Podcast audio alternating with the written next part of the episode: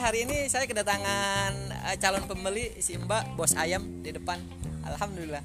Beliau bersebelahan dengan abang penjual buah yang sangat uh, baik dan uh, jujur.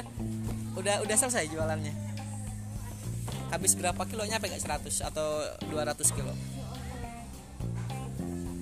Oh, enggak nyampe ya. Tapi kalau Mbak Lili depan hampir 500 kilo ya.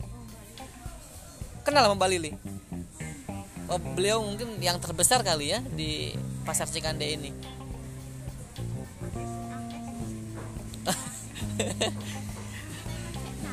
oh.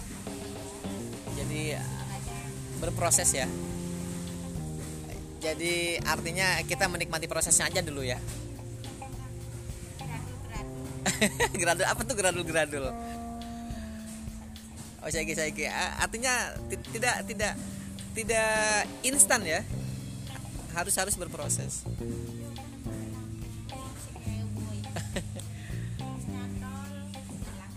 oh iya sih sulit ya mempertahankan pelanggan itu Oke guys, sepertinya itu saja yang bisa saya share.